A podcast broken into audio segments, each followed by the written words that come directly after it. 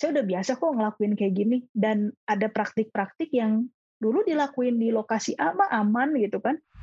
Kita selalu waspada 100% karena bisa jadi yang kita hadapi teh ntar pas lagi worst condition gitu kan sebenarnya selalu kayak gitu kan. Iya. Itu sangat subjektif ya walaupun kita tahu bahwa hampir semua hal di dunia kan subjektif gitu.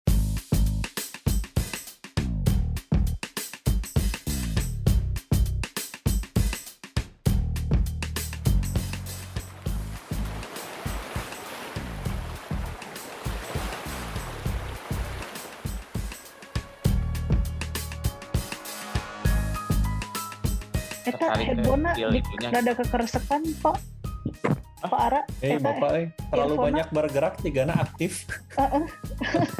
Sepertinya Aina sudah kena sarapan jadi lebih aktif ini bagaimana Oh, ini tadi kekeresekan kelamar kia. Makanya kalem kalem kalem. Hmm. Ketrak ke mana ya? ketruk sih sebenarnya bukan kekeresakan. Ketrak ketruk kebanting gitu. Iya Oh, mungkin kayak ini. apa yang mi- mic-nya itu kan jadi kayak kegesrek-gesrek gitu ya. Oh iya Mm-mm. sorry sorry sorry. Mm. Ya Iya. begitulah pokoknya tadi. Ya, siap, Ya siap. begitulah Eh, Bap- Bapak Ara dan Pokoknya- kekeresakannya. eh, intinya intinya pernah ikutan melihat orang ngasih si training tentang apa penanganan tumpahan minyak gitu ya untuk untuk di Indonesia terus ya jadi kebayang gitu bahwa itu harus sigap segala macam ya dan apa Ya. memang sudah ada standarnya pasti ya kalau di industri kan segala sesuatu kita harus sesuai dengan standar segala macam Eh, menarik sih maksudnya menarik dari melihat secara umumnya bahwa ada harus ada standar dan lain sebagainya tapi ketika terlalu teknis ke oil boom apa itu udah nggak nggak udah ngeblank aja nggak ke sana lah gitu minat Oh. Kalau aku mah malah justru eh eh, nyambung ke yang sini ya. Waktu pas dulu pas kerja Mhm. itu tuh salah satu penanganan oil spill itu yang di air itu bahkan selalu bukan eh, paling tidak setahun sekali itu harus ada pelatihannya. Jadi eh, karena kan harus sigap kan. Nah kalau misalnya nggak ada, jadi pelatihannya itu bener walaupun bukan numpahin minyak beneran ya. Jadi kayak dikasih cairan berwarna lah atau apa gitu. Nanti tuh ada orang yang meropongnya, ada yang nyiapin, ada pemadam kebakaran, ada yang harus nyiapin si gulungan eh, boomnya tadi gitu ya, yang untuk mengisolirnya gitu. Em, dan kalau da- maksudnya itu itu untuk skala yang bukan perusahaan oil ya, cuman karena kita punya pelabuhan itu. Jadi kebayanglah pasti Iya, iya. untuk eh, protokol keamanan si oil spill tuh harus diiniin lah gitu. Jadi Dilatih pasti mereka ngadain ya. pelatihan gitu mm, berkala per tahun. Soalnya itu kayak kewajiban gitulah dari ESDM-nya sendiri. Iya iya iya. Kudu dilaporkan gitu. Oh, saya udah nih pelatihan gitu. benar-benar itu Gitu. itu orang ngelihat itu juga sih itu apa eh, ya rutin lah suatu hal yang rutin Iya. ya itu tadi supaya sigap lah ya mungkin ya Nah, sebenarnya ini yang jadi pertanyaan saya gitu balik gitu ya eh, ke yang leaking tadi ini gitu ya. Mengingat kan kita su- su- maksudnya BP lah gitu ya, sekelas BP ataupun sekelas kayak di perusahaan luar negeri gitu kan pasti kita mikirnya apa sih standarnya bagus lah gitu. Kok bisa ya sampai me shortcut kayak gitu gitu. Tapi itu tuh membuktikan bahwa ya manusia tuh kadang kepedean juga kali ya. Jadi kalau misalnya udah terbiasa eh, ah saya mah udah biasa nih eh, pasti rig dia tuh nggak cuma satu kan saya udah biasa kok ngelakuin kayak gini dan ada praktik-praktik yang dulu dilakuin di lokasi A mah aman gitu kan. Eh, ya udah pasti aman lah di lokasi ini juga aman gitu. Nah saya tuh curiga mungkin kayak gitu kali ya. Soalnya kan kalau kepikir masa sih perusahaan sebesar itu gitu ya. Dan kalau ada perusahaan sampai nge dia kan pasti harus menjaga image lah gitu kan. Dengan kerusakan lingkungan ini gitu. Oh, berarti mungkin tindakan tidak amannya teh udah banyak, cuman karek kejadian we ayeuna gitu tah. Iya Gitu. iya iya. Mu- Ya mungkin tadi sih intinya sih orang ya kalau orang boleh menggaris bawah itu ya karena jelema eh, sarua lah sebenarnya mah. Pada dasarnya gitu ya. Heeh, jadi kadang kan kita kalau orang Indonesia, oh Indonesia parah, eh, kayak sama di di orang orang luar juga adalah yang gitu-gitunya gitu kan pasti. Mhm, Eh, eh, contoh misalkan eh, apa yang terkait masih terkait pandemi gitu kan di di negara-negara Eropa kan naik lagi gitu ya Mhm. dengar beritanya segala macam itu kan karena dia eh, ada teman sih di Jerman yang bilang antisipasi eh, musim gugur nanti akan ada lonjakan karena imbas dari liburan musim panas gitu katanya tuh seperti itu.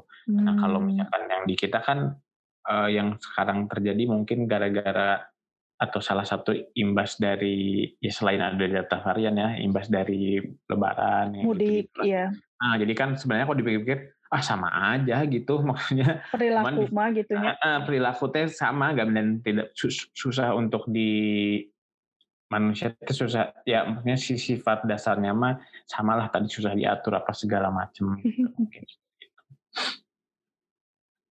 Nah jadi hening kia eh. Saya menunggu perintah. We ada pertanyaan lain teh gitu tah. ya, tapi ah, non non. Kita orang jadi iya dari kalau yang yang sekarang yang Eye of Fire ini masih masih perusahaan yang sama atau Enggak, lagi? ini Pemex katanya, Pemex.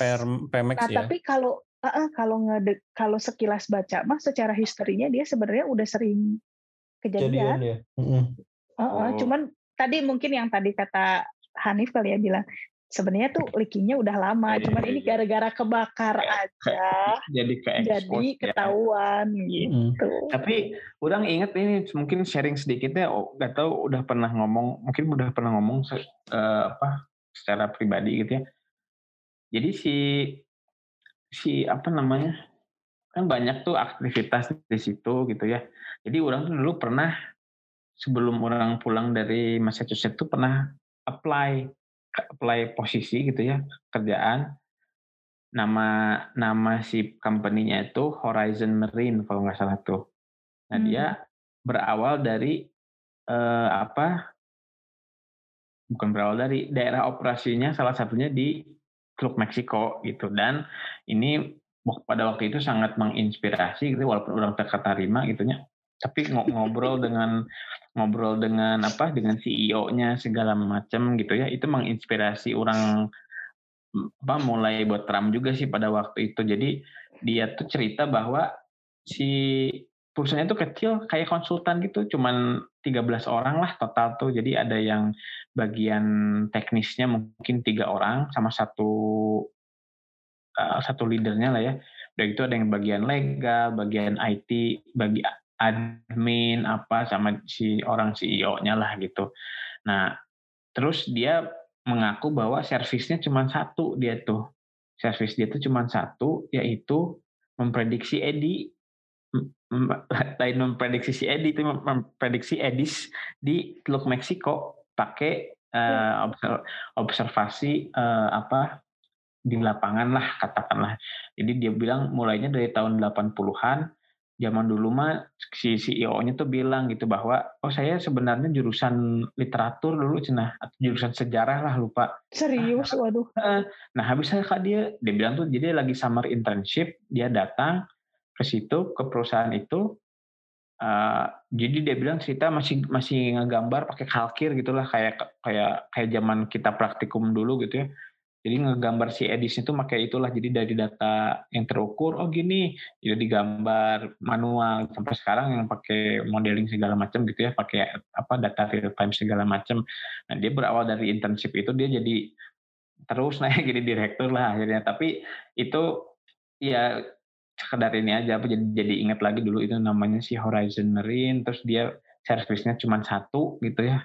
Tanda kutip ya cuma satu dan perusahaan kecil dan itu mak- maksudnya sedikit ini aja jadi flashback aja tadi Tunggu, tunggu sebentar. Tapi jadi nyambungnya teh ke yang oil spill-nya teh dia juga ini eh, jadi ya jadi ada ketika- servis untuk oil spill Betul. juga. gitu. Jadi ketika terjadi oil spill, jadi si orang salah satu apa technical bukan salah satu cuma satu sih si technical manajernya tuh dia Hmm. on call 24/7 lah dia bilang.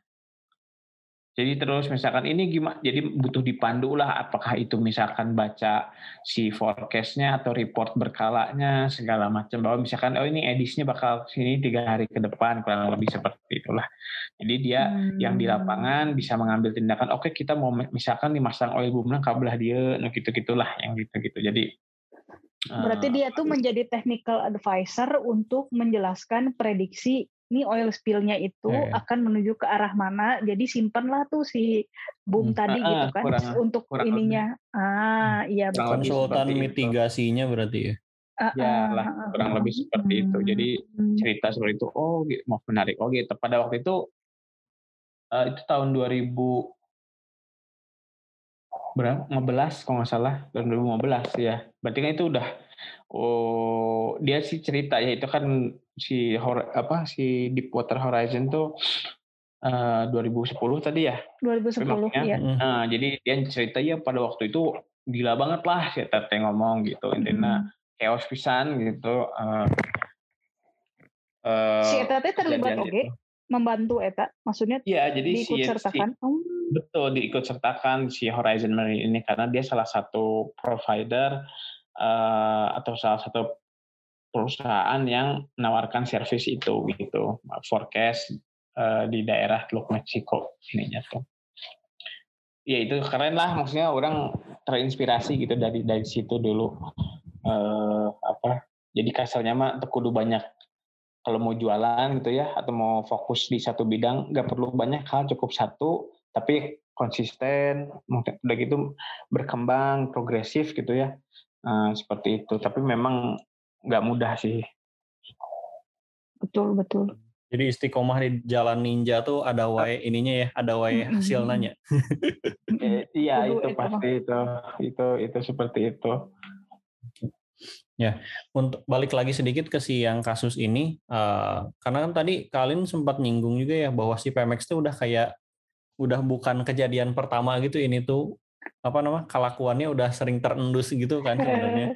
Nah, Iya. si Greenpeace-nya Meksiko tuh sampai udah ya udah pastilah komentar ya gitu. Nah, salah satunya karena emang ada kecurigaan bahwa ini tuh karena maintenance pipanya kurang baik gitu. Karena udah aging aja udah tua gitu.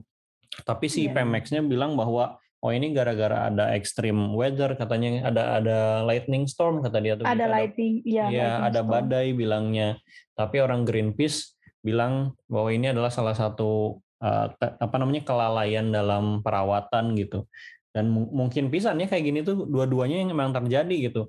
Jadi pas emang kualitas atau kondisi si infrastrukturnya sudah tidak tidak prima ya, terus dihantam sama sesuatu yang ekstrim jadinya emang boncos gitu ya. Iya, Betul. iya, iya. Eh, saya saya teh sepakat pisan nih dengan kata-kata tadi. Jadi em, pola berpikir kita itu kadang kan ngomong kalau nggak A pasti B gitu. Kalau bukan karena extreme weather ya karena dia kelalaian gitu. Tetapi banyak hal di industri itu yang terjadi kombinasi dari keduanya. Iya. dalam kondisi biasa sih aman. Oh, maintenance, oke lah kita eh, misalnya nggak maksimal gitu ya, harusnya sekian setiap hari misalnya, tapi dia jadi setiap minggu, harusnya setiap minggu jadi setiap bulan, harus setiap bulan, setiap tahun gitu kan. Mhm. Eh, nah, dalam kondisi biasa sih aman gitu, tetapi pada saat-saat tertentu, Iya. nah itu tuh langsung parah gitu. Saya Itu sih tuh- yakinnya kayak gitu. itu tuh emang esensinya health and safety ya Kak Alin ya. Kalau di ini, ini kan kalau di lapangan karena kita selalu waspada 100% karena bisa jadi yang kita hadapi teh ntar pas lagi worst condition gitu kan sebenarnya selalu kayak gitu kan. Iya, Iya. kalau kalau inti dari HSE itu eh, ketik ini tuh anggaplah kejadian itu adalah gunung es. Nah si ledakannya tadi itu tuh berarti puncaknya. Mm-mm. Tapi untuk terjadi gunung es ini itu kan yang di bawahnya tuh lebih banyak kan. Iya. Kalau gunung es kan bagi porsi apa namanya masa yang di bawah airnya itu lebih besar tapi tidak terlihat. Iya, Nah, betul. Si Pemex ini ya berdasarkan kata Greenpeace ya dan segala macam dia kan udah banyak kan eh, dicurigain gitu bahwa dia tuh melakukan eh, apa kayak kayak maintenance-nya kurang bagus atau masih ada yang pakai alat-alat yang udah tua gitu. Berarti kan kondisi tidak amannya itu sudah banyak gitu. Cuman menunggu satu kali bek gitu. Bek, Jadilah iya. kejadian Iya, gitu. dan kebetulan ini sangat visual ya, jadi orang-orang pun langsung connect gitu. Langsung. Visualnya ngeri lagi ya. Iya, jadi emang ya gitu. Unfortunate tapi memang mungkin harus iya meh terjadi Harusnya meh terjadi. tersingkap gitu. Iya, betul betul. Betul, betul. Jadi Ah, ada yang menarik lagi nih sebenarnya nih. Ini mungkin bakal agak men-trigger Bapak Ara selaku entusias di bidang ocean renewable energy. Jadi si jadi ternyata hal-hal kayak gini selama HSE-nya tidak diperhatikan dengan baik ya, kemungkinan besar tuh di Gulf of Mexico tuh akan tetap rawan gitu. Kenapa?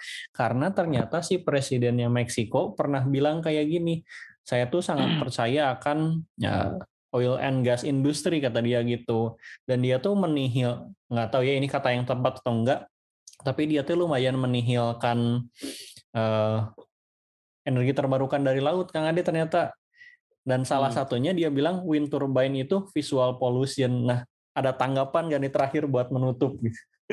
Oh, itu sih uh, mungkin uh, bisa kita bilang sebagai kalau di dulu uh, eh, UMPTN tuh ya benar benar tapi tidak berhubungan cek orang pilihan D ini mah itu D ya nah itu itu bin turbin mengganggu visual betul uh, tapi uh, kalau misalkan apa sih benar yang kedua itu dianggap sebagai polu apa tadi polutan visual tuh iya. ya untuk untuk untuk orang tertentu saja yang melihat yang mana orang yang punya kepentingan yang lain gitu atau, atau kepentingannya ter eh, ternegasikan akibat si renewables inilah kurang lebih kalau misalkan respon orang sih kalau misalkan misalkan contoh orang kalau ngelihat wind turbine gitu ya dulu pernah uh, ngelihat langsung gitu misalkan.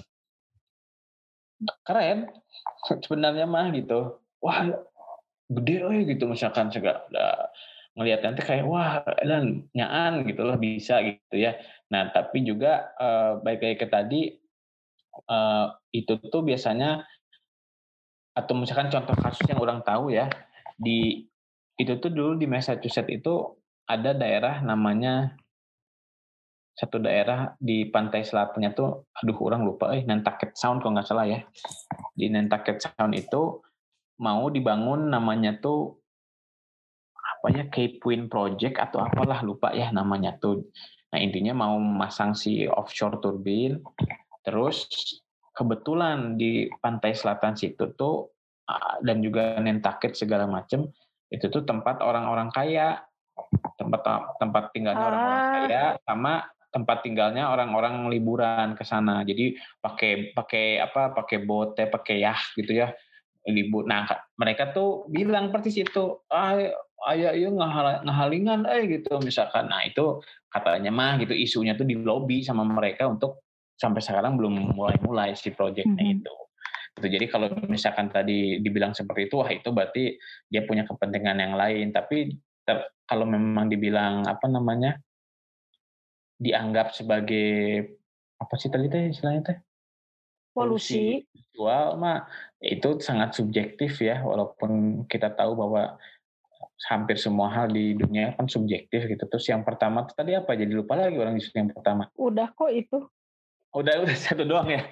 Kayaknya ada ada dua deh tadi. Yang pertama tuh apa gitu, yang kedua dianggap polusi visual. Gitu. Oh, yang yang pertama tuh ya memang bisa bisa apa masif gitu kan si strukturnya masif jadi kelihatan mungkin lah gitu.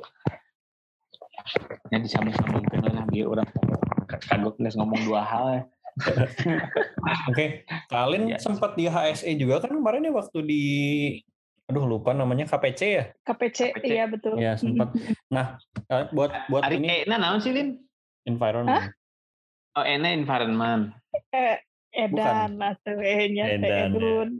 Environment, environment. Health and safety edan gitu. Emang emang harus mungkin emang harus dikerasin ya gitu-gitunya. Eh. ya. Iya iya iya. Ini uh, karena ini kan uh, ada apa namanya dari tadi di awal tuh bahas ada ever given terus sekarang masalah ini masalah Pemex ini kemudian ada juga masalah di Potter Horizon yang semuanya sebenarnya kan kecelakaan kerja gitu singkat aja dari sudut pandang apa namanya uh, seorang yang pernah kerja di bidang HSE gitu. Kenapa sih? Atau bukan kenapa ya apa sih yang harus dilakukan untuk menjaga si kerjaan kita itu tetap safety dan kenapa sih harus harus banget gitu menjaga si safety ini gitu?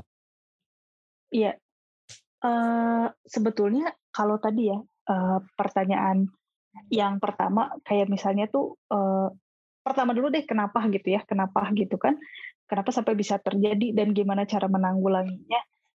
Paling sederhana tuh uh, kalau misalnya pada saat kita melakukan sebuah pekerjaan itu kan harus direview dulu kan. Semakin kita reviewnya makin detail waktu yang dibutuhkan akan semakin lama. Mungkin cost-nya itu akan semakin mahal dan segala macam lah ya. Uh, tapi kalau misalnya kita tidak melakukan detail di awal, banyak hal-hal yang luput gitu. Yang misalnya kayak, oh ini mah udah biasa gitu, oh, tapi kita luput gitu. Nah, inti dari HSE tadi itu kan mencegah. Inti dari HSE itu tuh mencegah uh, supaya tidak terjadilah accident. Karena kita tuh percaya accident itu terjadi kalau mungkin eh nggak tahu tuh mungkin udah pernah aku cerita atau belum ya. Jadi kayak misalnya tuh ada tumpahan air gitu di lantai. Nah, tumpahan air di lantai itu kan adalah resikonya saja gitu. Bahwa ada ada air yang tumpah di eh, lantai gitu kan, sebuah kejadiannya kayak gitu gitu kan. Tapi dia bahkan menjadi disaster, akan menjadi accident kalau misalnya ada orang yang bakal ngelewatin tumpahan air itu gitu kalau selama si tumpahan airnya itu tuh nggak ada orang yang lewat, ya dia cuman hanya jadi dia bahkan belum menjadi resiko, dia pokoknya ada air tumpah aja. Nah, untuk cara menanggulanginya, oh mungkin harus dipasang ini kali garis penanda bahwa di sini licin, awas ada air tumpah gitu. Nah, itu mencegah kan? Sama seperti kejadian yang ini gitu ya berarti kan harus detail nih dikasih tahu oh berarti ngebor teh seperti ini kemudian resikonya begini begini begini semakin kita detail kita bakal nyiapin nih oh berarti kalau tadi nih cor ngecor ngecor tuh minimal tuh harus satu bulan gitu atau misalnya dua minggu gitu kalau seandainya itu adalah checklist ya harus dipatuhin gitu kalau memang harus dua minggu ya dua minggu nggak boleh di shortcut lah kayak gitu kan Terus misalnya kayak maintenance gitu, maintenance harus enam bulan ya harus pas gitu enam bulan. Itu semua untuk meminimalisir uh, accident. Jadi yang pertama adalah accident kita uh, yang bisa manusia lakukan itu meminimalisir accident yang hmm, karena kecerobohan. Yang tidak bisa dikendalikan ya tadi kalau sudah act of God tadi. Contoh nih um, kan ada juga waktu pas yang kayak kejadian uh, apa setelah tsunami di Krakatau gitu pokoknya dia tuh kena ke arah mana gitu kan atau yang di saya lupa lah tapi pokoknya karena kejadian tsunami ada dia ngehit ke oh ini bahkan yang deket sorry sorry ini yang di deket Gulf of Mexico kalau nggak salah Hurricane Katrina nah dia tuh jadi kayak ada bekas-bekas dulu tuh oil gitu apa uh, rig rig oil gitu Nah, karena ada hurricane dia jadi kebawa lah gitu. Nah, itu kan emang sesuatu hal yang agak susah gitu ya. Itu udah kayak ya itu udah di atas kuasa manusia lah gitu kan. Uh, jadi kalau balik lagi kenapa HSE itu jadinya penting banget? Karena dia fungsinya tuh mencegah dan cara mencegahnya tuh dengan melihat proses detail si apa sih yang dilakukan. Nah, baru di sana dipasang gitu pengamanannya. Kayak gitu sih kalau dari saya gitu. Jadi eh, bencana mungkin ada yang bisa di, ada yang bisa ditanggulangin, ada yang enggak. Ya udah kita mencoba minimalisir aja gitu. Oke. Jadi kalau ada anggapan bahwa semua peraturan itu ada untuk dilanggar tuh apalagi untuk HSE salah besar ya kali ini. Eh, karena ya kalau misalnya kita ngelihat konsepnya gitu secara short term tuh rasanya sih aman aja dan dan hmm. nguntungin gitu kan tapi ya kayak fenomena gunung es pada pada akhirnya ketika kondisi ekstrim terjadi atau pada saat dapat sialnya gitu kita ah sial padahal mah batur mah tenan naon cenah ya itu tadi okay, yeah. kita kan nggak tahu kapan sialnya gitu oke okay. makanya emang we only see the tip of the iceberg ya intinya ya cuma ya, tahu sekali. pucuknya saja sedikit. Oke, okay? uh, ya. Tadi orang orang kalau dari mau nanggapin Alin gitu ya, menyimpulkan bukan menyimpulkan. Tolong, tolong, tolong, salah, tolong, tolong. Enggak, enggak mengintisarikan aja dua dua hal oh, tadi dari siap, dari dari ininya Alin supaya ingat gitu ya. Jadi intinya kalau habis ngecot jangan langsung ngacir gitu ya. Itu. Dan menunggu untuk mengeluarkan jurus terakhir eta emang benar-benar. Nah, yang kedua itu tadi ini perihal rigrig tadi kan. Ya, jadi si rigrig ini harus di di apa di maintenance ya kalau nggak bisa rugrug gitu. Wis. Mantap. Mantap aja. Nah, Siap, Jadi, siap penutup paling mantap. Oke okay, ya, wordplay tadi dari Bapak Aradea ini menutup episode kali ini ya. terima kasih banyak untuk yang sudah mendengarkan sampai saat ini. Uh, terima kasih Kak Alin, masih Kang Ade. Sampai jumpa lagi di episode bahasa selanjutnya. Dadah.